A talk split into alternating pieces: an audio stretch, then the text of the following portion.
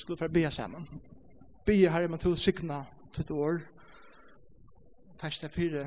Takk så langt kommer fram med det. Takk deg for vittnesbordet fra Kristi og fyrre møten. Takk deg for det. Hvor så underfullt det er at slippe be her for bøten og at sikna til og til framtid og til foreldre. Og vi er for møten nå, hvor jeg er, at du sikna bådskapen et år som er livande og skjer helt inn av merg. Testa fyrir at vi vil etja ikke bare er bare høyre årsens, men eisen gjerer tess. Vi blir om at hult gjør mer dirve og kinsemme nøye myndeleika tala tutt året det.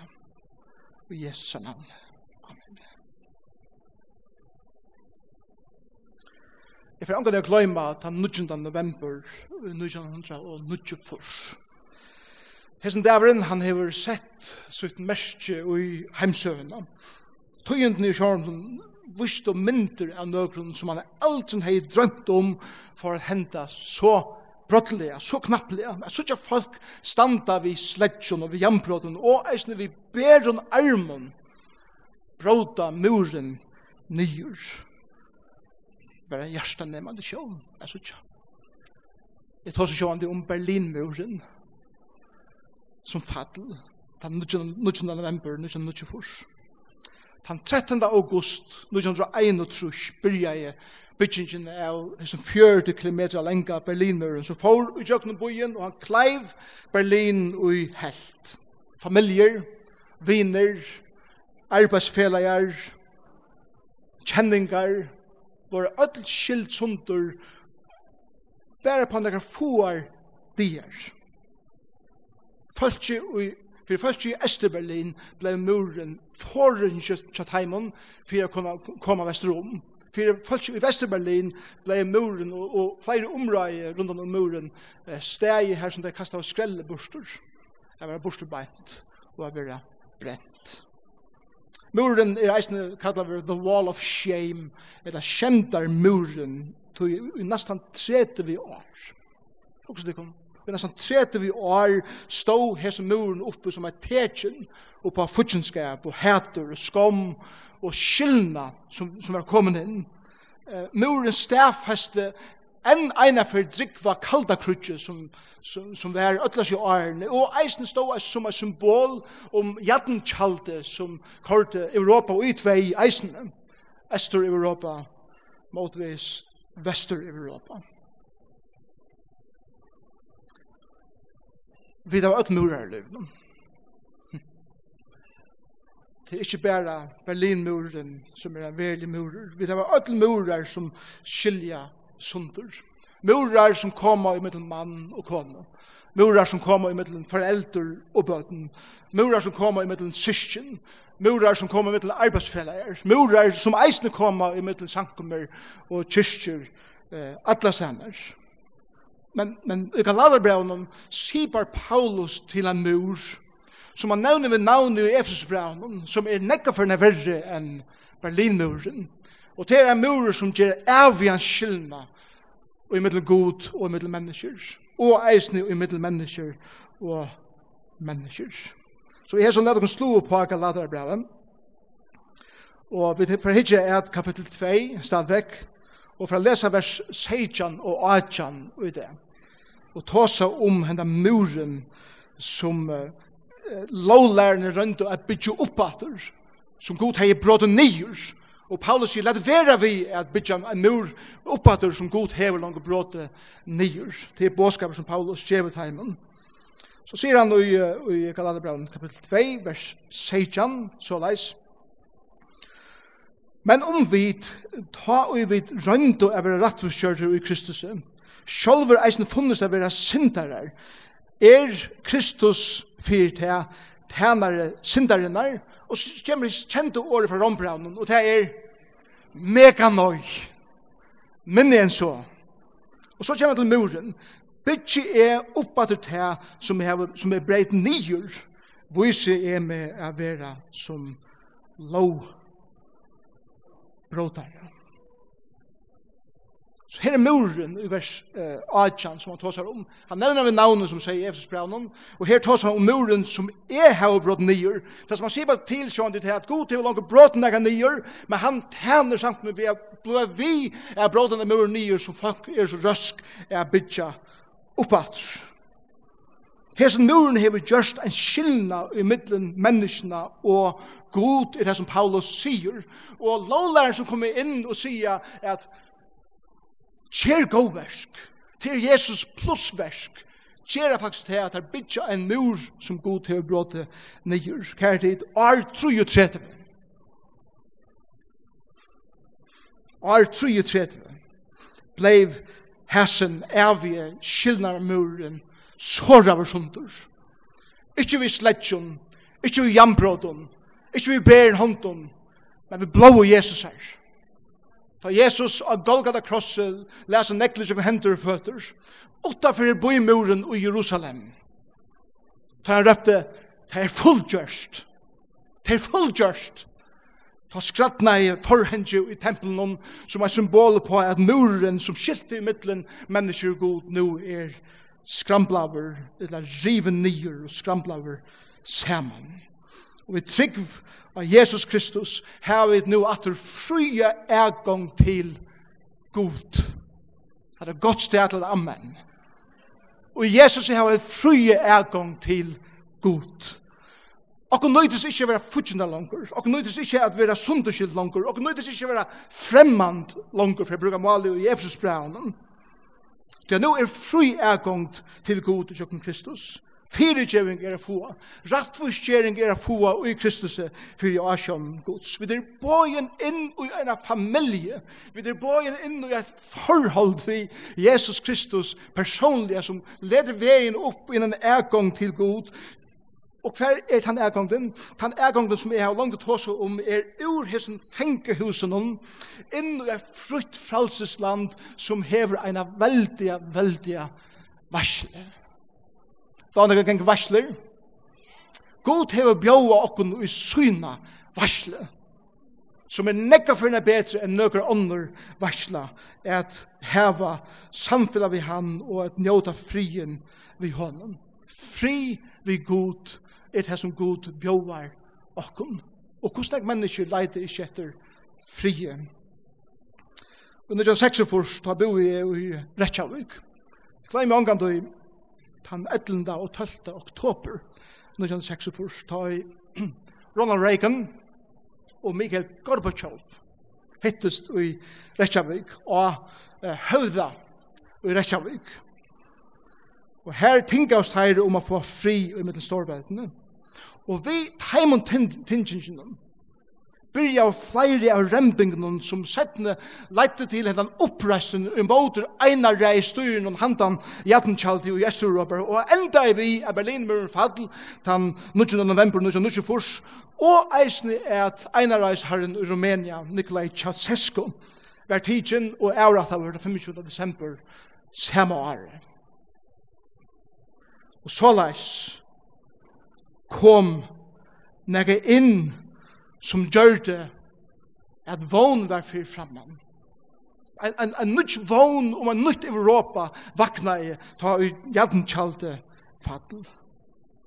Langt i 1905 og i januar måned var jeg sammen med Johan Syderbø og Marnera Lofte og i Berlin.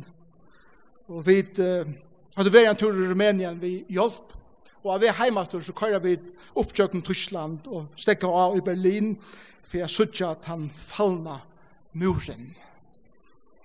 Det var en fantastisk scene som jeg omgående gløyme atter. Minnest, jeg stod i dunken om jeg eh, fallna muren og vi tok noen steinar fra muren, graffiti maler steinar som folk hadde høgt av muren og tok det heim vi okon. Og det er kanskje kjeipa til Berlin. Jeg vet at det er ekta i verden. Beint fra muren. Og det er det som Paulus sier vi galater Paulus sier vi galater Galaterer, kære, kære Galaterer, muren er fattelen. Muren er fattelen, og hvor skulle jeg haft ho er bygd en mur oppater som er fattelen nyers? Ein som gjer til her, gjer eina øyande kjemtar gjer, er det som Paulus sier faktisk ui hessen her teksten. Han sier, let dere ikke bytja det opp som god hever bråda nyer. Let dere ikke bytja til opp som er strøyest vi er bråda nyer, og hans lovlæren kommer inn og byrja bytja det opp at. Så han sier, at bytja en mur opp som Kristus hever bråda nyer, er det samme som han sier at versk Kristus er av krossen ikke er godt nok. Og da vi sier at vers Kristus er ikke godt nok for at det kan være rett for kjørter, så gjør vi Kristus til tænare syndarinnar, er det som Paulus sier i versen. Vi gjør Jesus til en tænare for synd, til da vi sier at han ikke god nok, så får han noen gjøre god versk, og det er synd i seg selv som Jesus skal få skilden av. Og Paulus sier, skal det virkelig være så? Han sier, mega nei. Godt omkring vetjen. Sjølvande ikke det. Sjølvande ikke det sier Paulus. Men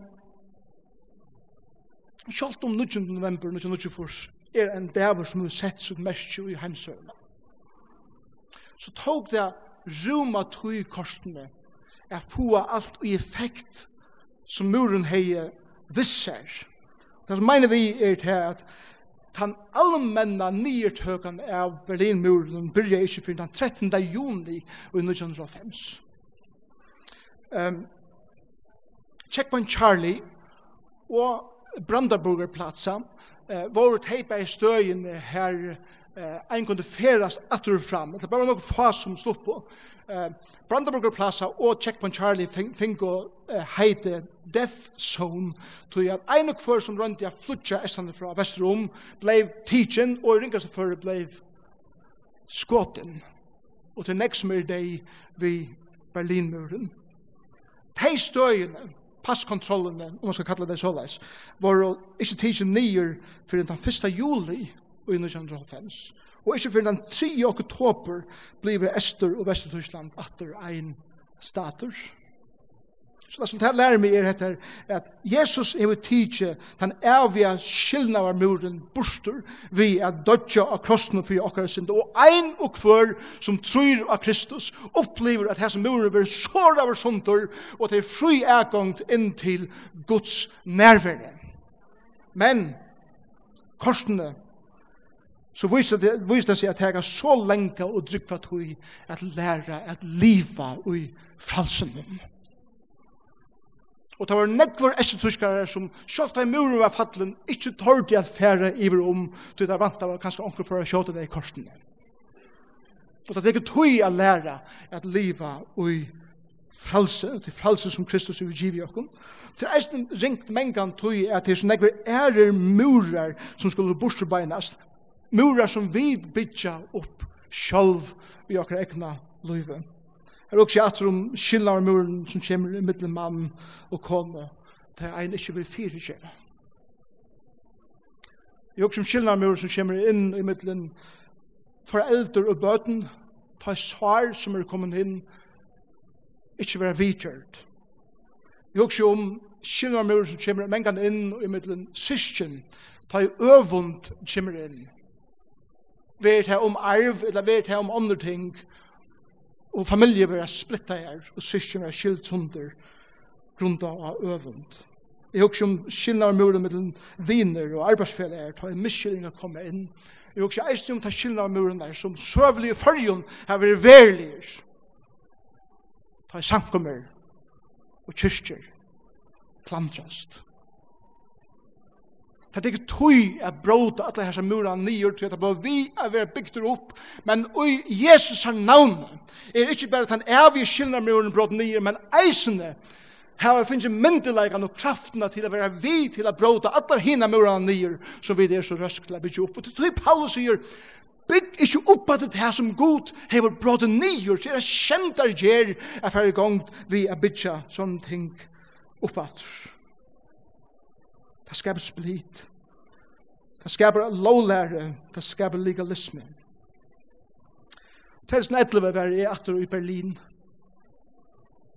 Opplevingen er genga pura frukt for forbi Checkpoint Charlie, selv om det er lille huset er flott, eller en synder. Brandabruggerplatser er ikke flott, det, er synder for tungt det. Flita. Men opplevelsen er å her herbeint. Utan at seta mitt egna liv i voa var en øyla spesiell oppleving som virkelig var, var stersk og rørende for meg. Jeg synes turen framvitt her med porsten og muren som en standa for at minna av det som ene for jeg kjente Berlin. Og vi vet ikke om det til feire Petter som standa oppe igjen.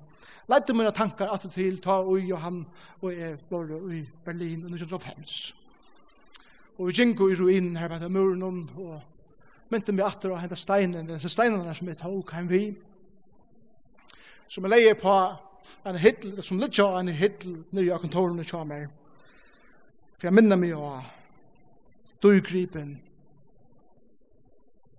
i frelse.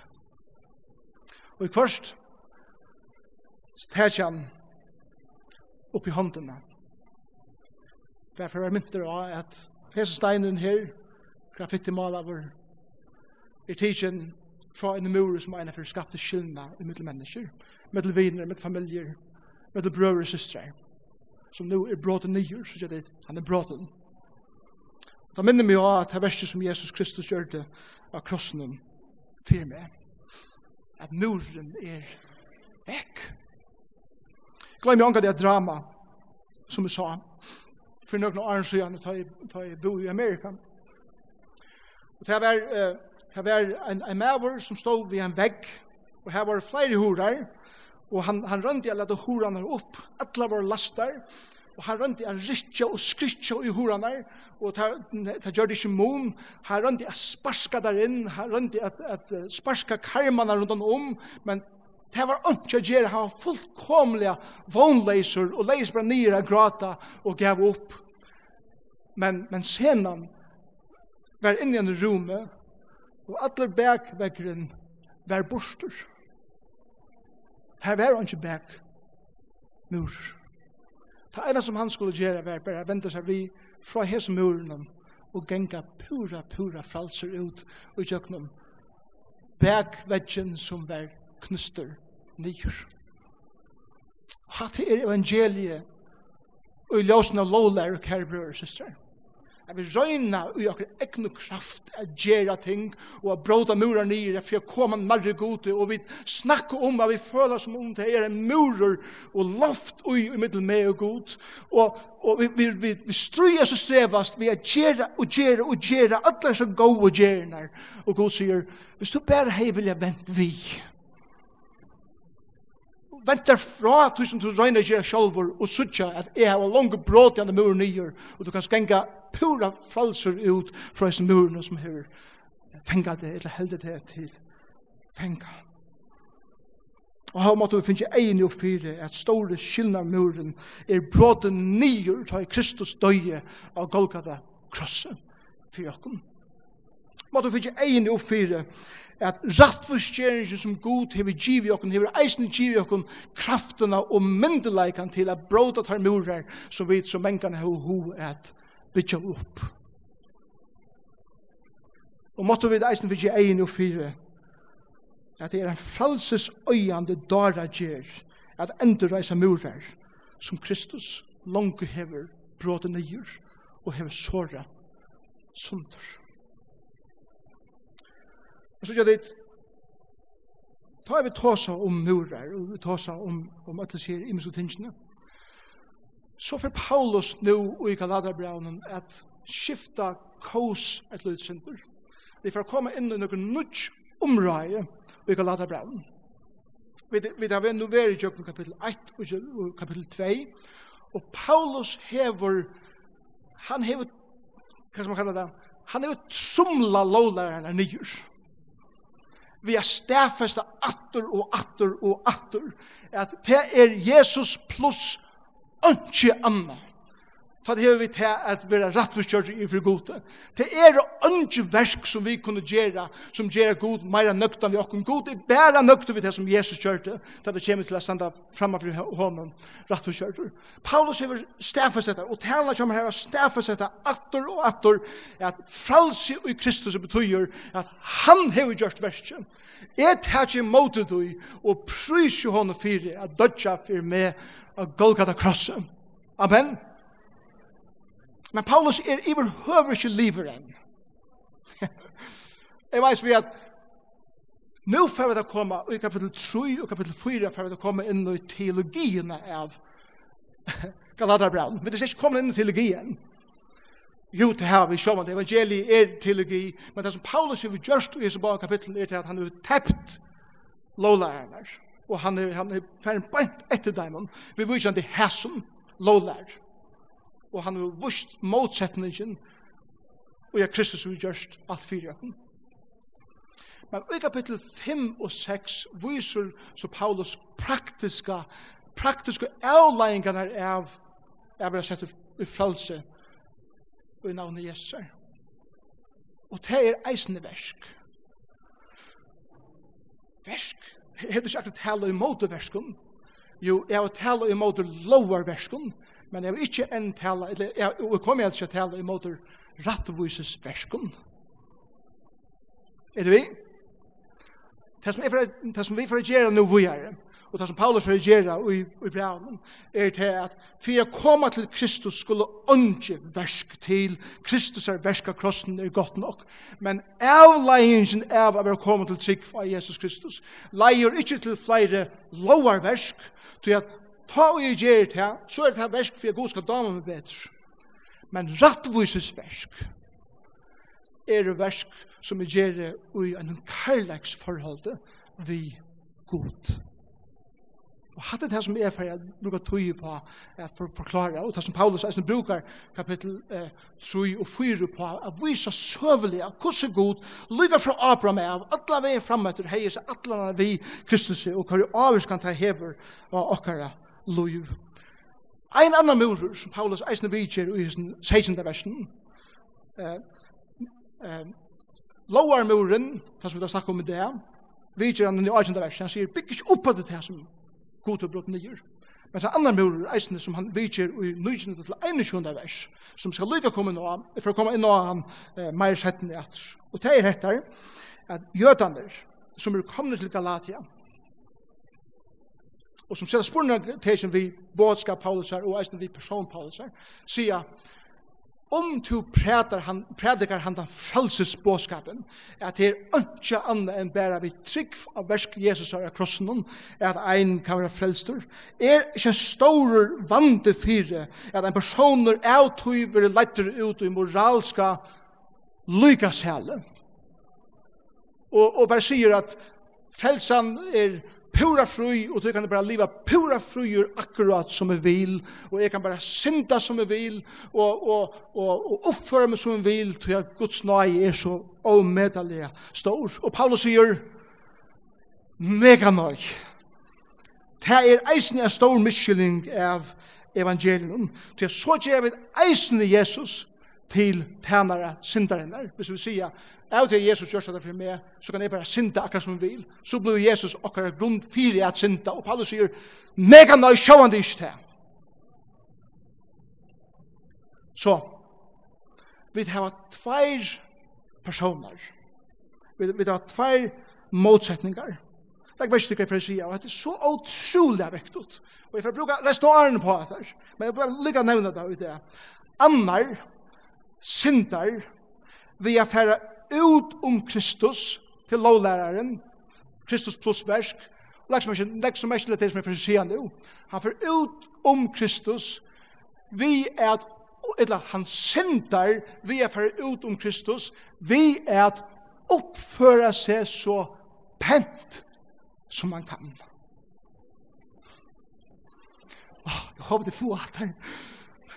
Åh, oh det blir til at synda vi at oppføre seg utrolig pent. Hinn personen er ein som ikkje fyrir ut om Kristus, som sier at Kristus er nok, men brukar det her som en skyldning fyrir at oppføre seg akkurat som han vil, og synda som han vil. Bøyer er skreiver, sier Paulus. Annar er lovlærare.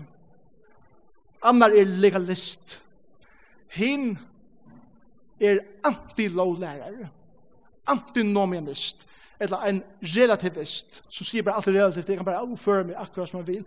Bæger tveir er skreiver, for det kommer til at synda. Synden, ta vi suttja livet på handamatan, vi er ikke bare en liste av ringun og omoralskun om som vi beinleis kunne peika av. At hatt er synd, hatt er synd, hatte synd og hatte synd, og listan blir bare langer og langer og langer og langer sjokkum. Men synd i Galaterbraunen og bibelsk synd, som vi da jeg sutja på synd, er eisne en liste i tergjerer som sutja utrolig gåvar og eisne moralskar ut. Eisne vi tui kunne vi synda til at God hikker er okkar motiven Han hikker at okkara hjärsta. Og om vi drøyne er gjerra så vekar og gåar gjerra så møvlet, og oppfråkar så pent så møvlet, vi tøy for ei er god skal dama med betur så sier Paulus, du er en syndare vi har gjerra det. Det er så rævn nemt til åkken å si, å, hikker seg her oppfører seg, hikker seg hin oppfører seg, hikker seg her seg oppfører seg, og ta i samarbeid her, vi kan si, er er det, så kan øle latt rett for seg med sjåvan, sier, å, er rett og fitter at mot her som, men akkurat her, sier Paulus, at det er synd, eisne. Så, her er brug for Kristus, fullkomlige, Jeg vil finne egne mer og mer oppfyrir hvordan jeg vil bruke fyrir Kristus i okkara livet, tog jeg sint er ikke noe som er her ute, sint er her inne. Innast i min sval, innast i mersen, er i råten innanfra og ute etter. Og jeg har bruk for Jesus i kvandan evige eneste det i min liv. Ikke bare frelse meg fra evig fortabels, men jeg frelse meg fra hesen som er så djupt inne i mer så sier han til meg, jeg kan kvist tås av det så sjoldan, og kvist peika det så sjoldan om synd som er her ute, og sverre kommer her ofta, til at det er synd her inne. Løsnen er ikke å fokusere av hver jeg gjerer er synd, og hver jeg ikke er synd.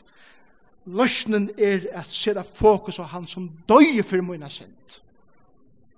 Og med karlagsforhold vi han, for å trekke meg til ham heldre enn ute i heimen. Du kommer ikke langer bort fra møvleggene av fattelig synd ved å fokusere av syndene.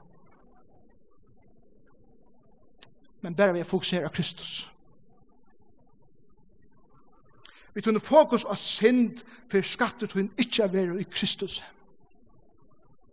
Men vi tunne fokus av Kristus, eller av Kristus, for tunne skatter ikke vera være i. Og tog har jeg valgt å fokusere av krossen og få egen vende mot Kristus og min karlags forhold vi han, hvordan omedelig vekker som dansen er vi gode, hvordan vekker den festen er som vi er bøyne inn og er vi gode. En person som, som elskar at, at være en fest veldekka ombord sammen med Jesus, for ikke at stand og hytja etter hvordan man være her ute i heimen Han er så tiltekter av Jesus og til karlagsforholden at jeg han ikke sier. Og det har vi valgt å gjøre i min liv, at fokusere om karlagsforhold ved Jesus. Ta det neiot så at tåsa under fyra eiven vi folk som, som man trenger til at tåsa vi. Vi vet ikke hva, akkurat fokus er av Jesus Kristus. Vi vet hva henter? og at heimsins glede vil ta meg bort. Og i tøy naje og dur du til sørst. Så skal jeg som sin sannsyn.